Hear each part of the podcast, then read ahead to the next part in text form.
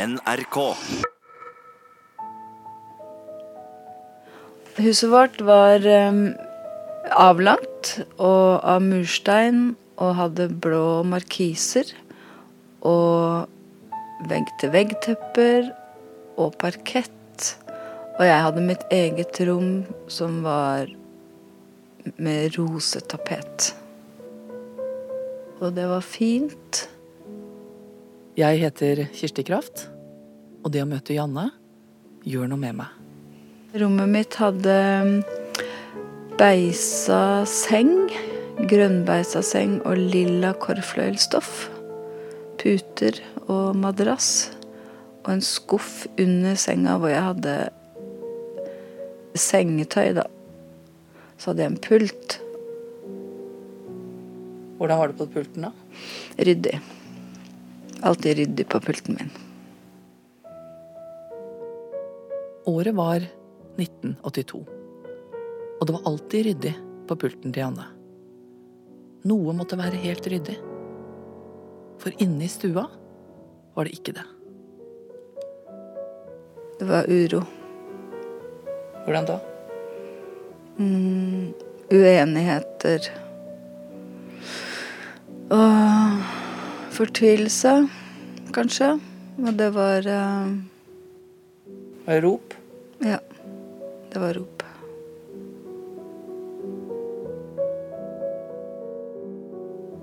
Jeg tror kanskje jeg holdt pusten. Hadde vondt i magen min. Hva var du redd for? Hvordan det skulle være i morgen. Stemning og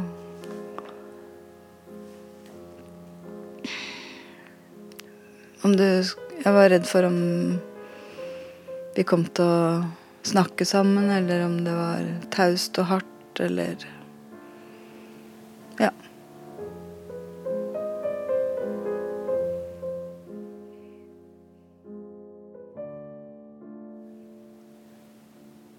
Ingen venninner visste noe. Nei. Fortalte det ikke til noen. Hvorfor gjorde du ikke det? Ja, jeg tror jeg var skamfull og valgte å ikke si noe til noen. Fordi at eh, det, da avslørte jeg jo at de, akkurat der og da så var det ingen som passa på meg og beskytta meg. Janne hadde vært med venninnene sine. De hadde kost seg hele dagen. Sett på barnetoget, spist. Gjort sånn som man pleier. Da hun kom hjem om kvelden, var det dårlig stemning. Det var um, 18. mai.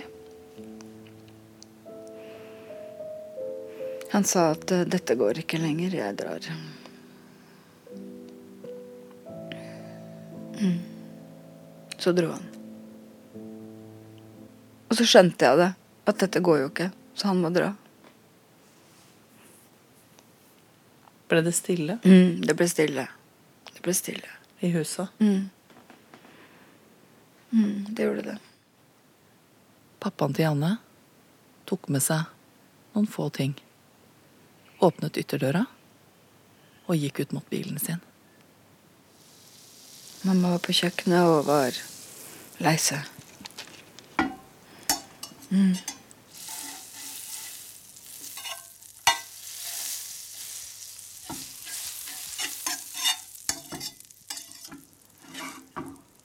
Jeg merka at uh, humøret forandra seg. Hun ble innimellom mer lettstemt. Jeg var lettere og gladere i kroppen og Dagene og ukene går. Ropingen er borte, men stillheten er ingen god erstatning i huset. Janne følger med. Stadig oftere ligger mammaen til Janne på sofaen, mens radioen står lavt på på av kjøkkenet. Reiseradioenes Lørdagsekstra i sommer, da folk eh, ringer inn og forteller om deres uh, ferieflauser.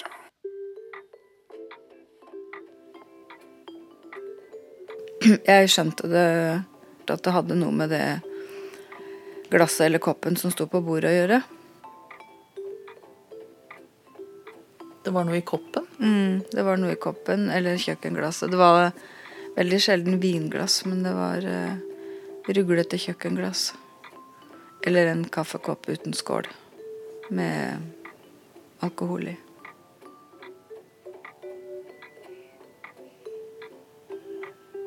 I høyskapet på kjøkkenet. Der sto rødvin. Der sto rødvin. Norsk rødvin.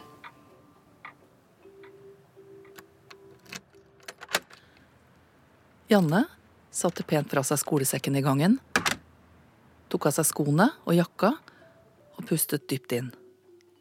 Hun gjorde seg klar. Hun var 14 år. Jeg hørte idet jeg tok tak i døra når jeg kom hjem og sa hei. Tok ned håndtaket og sa hei. Og måten jeg fikk respons på, sa meg noe om hvor på barometeret hun var. Hei Ja, hei.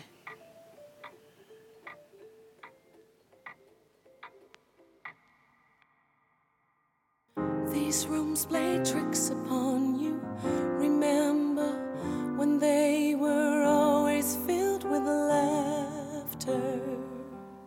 Jeg gikk på rommet med sekken min og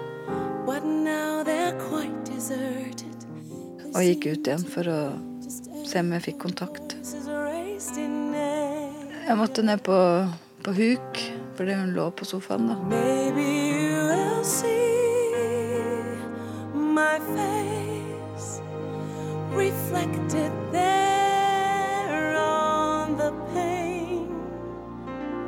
Du ble aldri sinna?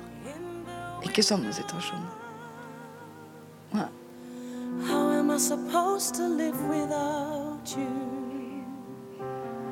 Du hadde klart å lage middag? Ja. I all hovedsak så, så gjorde hun det. Hm.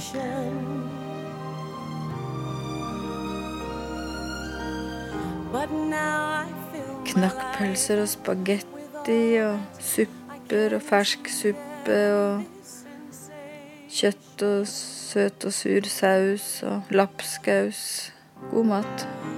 This house is empty now. There's no one living here. You have to care about Noen ganger så hadde vi koteletter. Det spiser jeg ikke. Det var, det var, jeg husker ikke situasjonen, men det var en veldig vond situasjon rundt en middag med koteletter.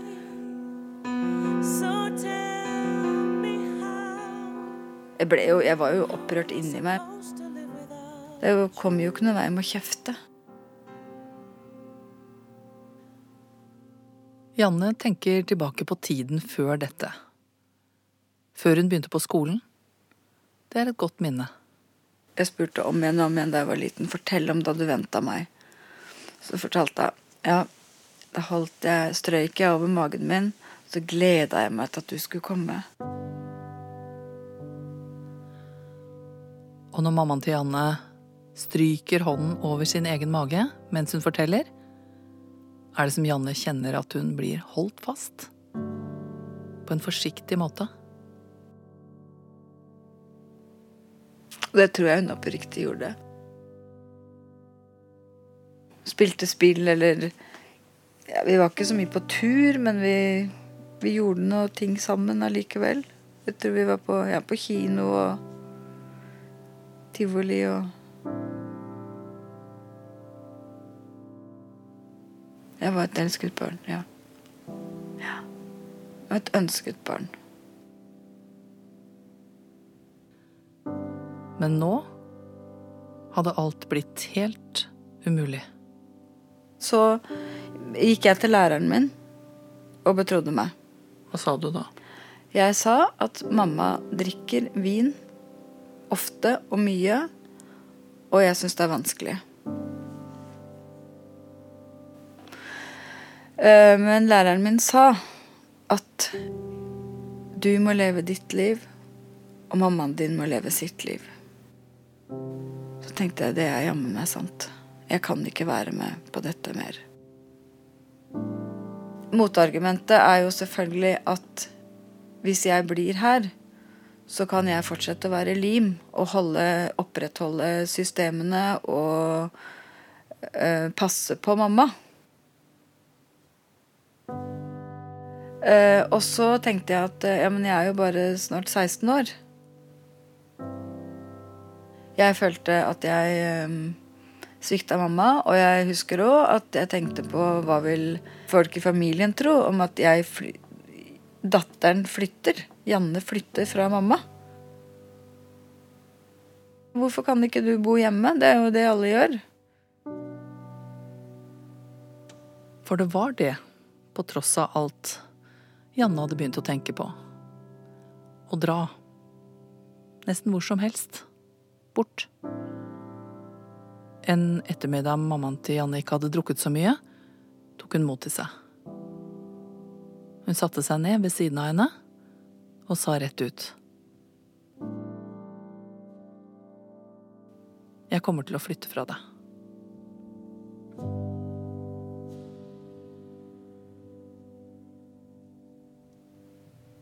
Jeg tror ikke vi snakka om at hun drakk.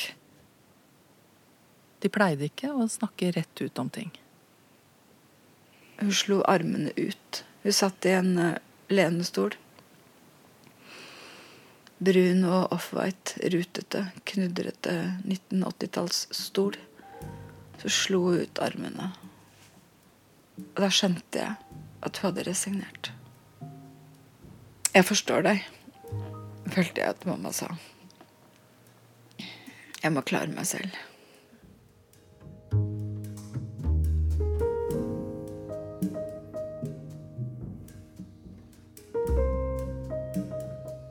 Så dro jeg. På toget. Med en burgunder- skinnkoffert som jeg syntes var kjempefin. Med sånne spenner.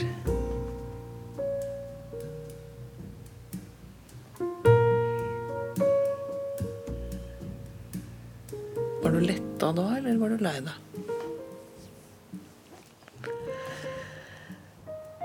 Jeg var nok både letta og lei meg. Så var jeg spent, for jeg visste jeg kom til så mye nytt.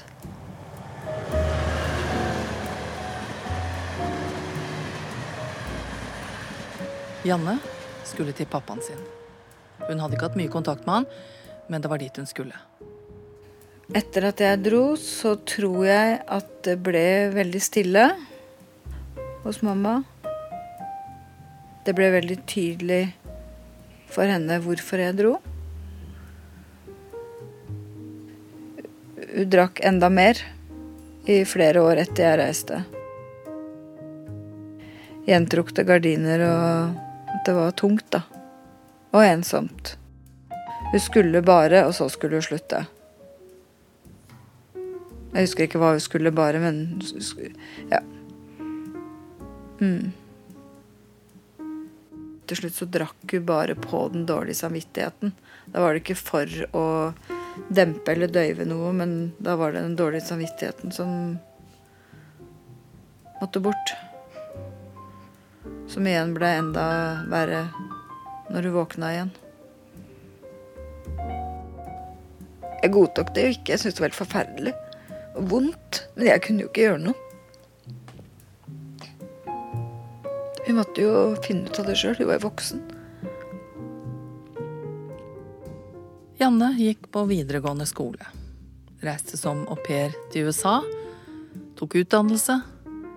Fikk nye venninner. Ble voksen. Og hun skrev til mammaen sin og fortalte hva hun opplevde. Og mens mammaen lå i det store, tomme huset i halvmørket og drakk seg helt ned til bunns, oppdaget Janne at alt sammen hadde preget henne mer enn hun hadde tenkt over. Begynte jo å se at de mønstrene jeg hadde tilegna meg som barn for å overleve, den fungerte jo ikke for meg som voksen. Hvordan da? Nei, jeg husker sjøl at jeg lagde tidsskjema når jeg skulle stå opp, når jeg skulle pusse tenna, Eh, når jeg skulle pakke sekken, hvor lenge jeg skulle være på skolen, og når jeg skulle gå på speideren om kvelden osv. Det holdt meg i sjakk. Det gjorde at jeg lagde mine egne forutsigbare dager for å klare å stå i det som kom fra sida eh, hvis jeg kom hjem en mandag og mamma var full. For da visste du hva du skulle hele ja, dagen? Ja. Men da jeg ble eldre, ung voksen, så ble jeg forstyrra hvis det ble forandringer som jeg ikke visste om. I dette planleggings... Jeg var en veldig strukturert student, så jeg ble litt forstyrra hvis det ble for store, uforutsette ting. Uh, gikk i lås, da. Hvorfor drakk moren din? Det kan hende det har vært noe eksistensielt. Det, det vet jeg ikke for mamma sin del. Uh, men at det var en smerte som hun I livet, da. Noe som var vanskelig for henne, som hun dempa med å drikke. Skyve det fra seg og unngå å stå i dagen i dag. Og ikke minst kanskje dagen i går, som gjorde at dagen i dag er som den er. Og så skjer det noe en dag. Mens gardinene er trukket for, og flaska står på salongbordet Har du dusja? Ja, Det er bra, det. Du skal ikke Det er jo sikkert en del lyttere som har eh, like store problemer med å våkne som deg. Radioen står svakt på fra kjøkkenet. Hun kjenner at tankene er klare. Hun forsøker å kreke seg opp av sofaen. Hun har bestemt seg. Livet er ikke over. Det må føles som å flytte betong med bare nevene. Sakte, sakte setter mammaen til Janne seg opp. Uten hjelp fra noen. Nå er det slutt. Hun går bort til stuevinduet og trekker fra gardinene. Så tar hun på seg kåpa og støvlettene og tar bussen til et sted hvor det finnes folk som kan hjelpe henne. Janne tror det nesten ikke når hun får vite det. Mamma har erkjent problemet, og hun har stått opp for seg sjøl. Og hun engasjerte seg i en forening, som en avholdsforening, og hadde verv der og Så tok hun eh, utdannelse og Mammaen til Janne får en jobb. Hun har noe hun går til hver eneste dag. Og hver eneste kveld så vet hun at hun har bidratt med noe. Janne bodde langt fra mammaen sin da det skjedde.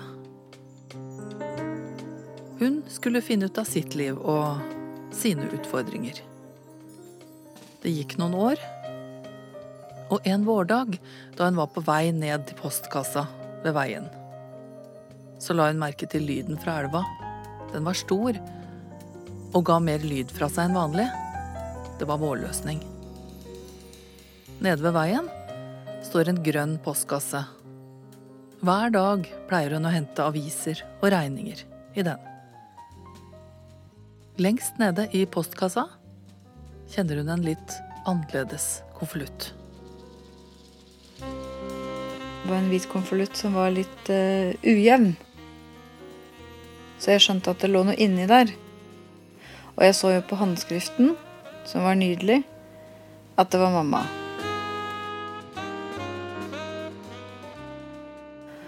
Uh, og jeg kan jo hente det.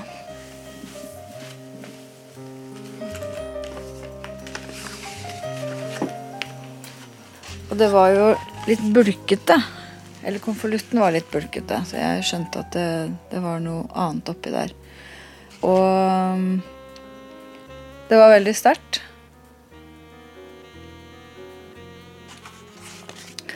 Eh, kjære Janne. eh, jeg har tenkt på en ting lenge, og det har tatt meg lang tid å skrive dette til deg. Jeg er så lei meg for all smerte jeg påførte deg som barn. Hvis jeg kunne, så skulle jeg vært det foruten. Før jeg kunne gjøre noe som helst, så måtte jeg tilgi meg sjøl for det jeg hadde gjort mot meg, og det jeg hadde gjort mot deg. Jeg vil be deg om tilgivelse for det jeg gjorde mot deg gjennom å drikke. Og svikte deg på den måten.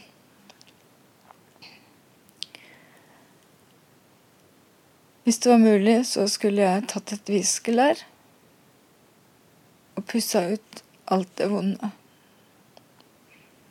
Men det vet vi begge to er umulig. Som et symbol så sender jeg deg et fiskelær. Kan du tilgi meg for det jeg gjorde mot deg? Kjærlig hilsen mamma.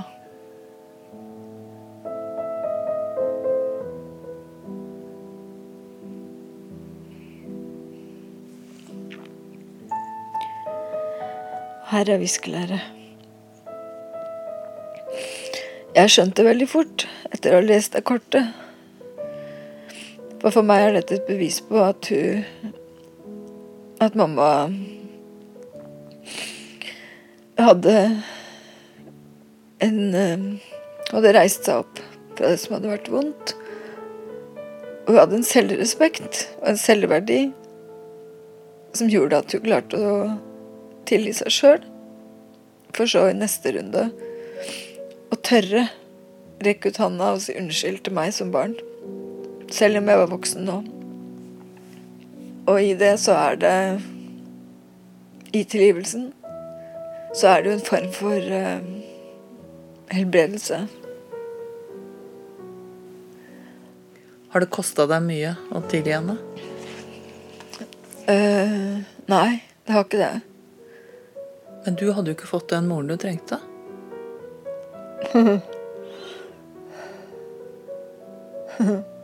Nei, det hadde jeg ikke. Nei, jeg fikk ikke den mammaen jeg trengte. Det har vært synd på deg. Ja, det har det vært. Det har det vært. Det har vært synd på meg.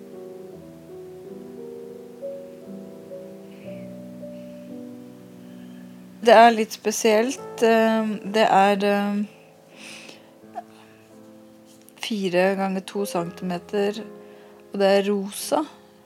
Og midt i denne firkanten så er det en runding, og inni der er det en kule som er rosa. Som da rører på seg. Og så er det tegning av eh, tre gode feer som svever. Stjerner, ser det ut som. Dette her, dette viskelæret er jo for meg en skatt som jeg passer veldig, veldig godt på. Hva er tilgivelse? Tilgivelse er for meg en ganske komplisert uh, prosess. Fordi at den er delt opp i fornuft. Mennesker skal ha selvfølgelig ha en sjanse nummer to når vi har trådt feil. Og tilgivelse handler også om uh, å stille seg sårbar. Fordi det er jo ingen garanti for at ting ikke skjer igjen selv om man tilgir. Du må jo stole på at uh, det skal vare. Og det er befriende. Men det at du tilgir, mm. det betyr jo ikke at du syns at det var greit. Nei, det betyr det ikke. Men det betyr at jeg, jeg så og jeg ser at mamma angra. Hun var lei seg for det hun hadde gjort. Og hun tok ikke lett på det. Det var slitsomt, og hun ødela mye for meg. Men angeren hennes Mm.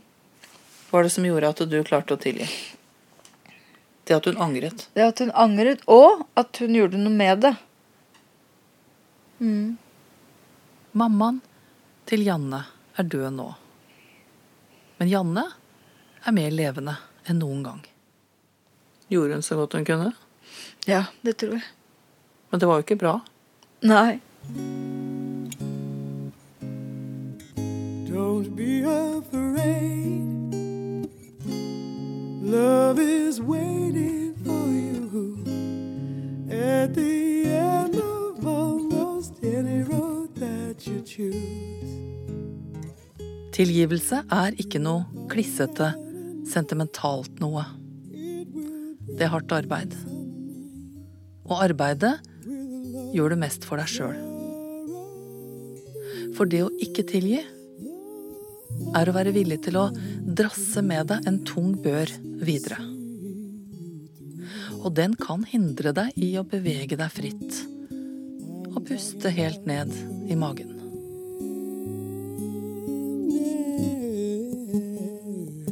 Men tilgivelse er ingen VIP-billett til livets beste tribuneplass. Noen mennesker strever hele livet med å tilgi noe som ikke skulle vært gjort mot dem. Og det er ikke sånn at vi bare vil ha deg med hvis du klarer å tilgi. Du er regnet med blant oss. Selv om du er bitter og har tapt en del krefter på uoppgjorte ting du ikke klarer å løse. Husk det.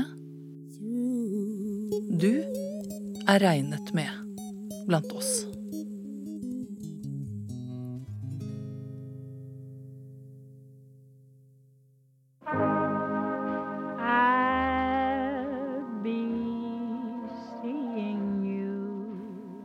Dette er den siste kraftepisoden i vårsesongen 2019. Vi gleder oss til å kunne dele med dere våre nye planer og ideer i august. Og i mellomtiden så kan du scrolle deg litt fram og tilbake i vår rikholdige katalog. Det ligger nå, etter våre tre lykkelige år med kraft, 118 episoder klar der for deg. Så kos deg med dem så lenge, så høres vi igjen til høsten. Og for all del, bruk anledningen nå til å skrive til oss. Har du en historie som skal fortelles? Eller kjenner du til noe vi andre ikke gjør? Skriv til oss. Adressen er kraft. Krøllalfa. NRK.no. Lyddesigner er Merete Antonsen. Konsulenter Hege Dahl og Åse Lundan. Og mitt navn er som alltid Kjersti Kraft. But I'll be Kraft. Kraft. seeing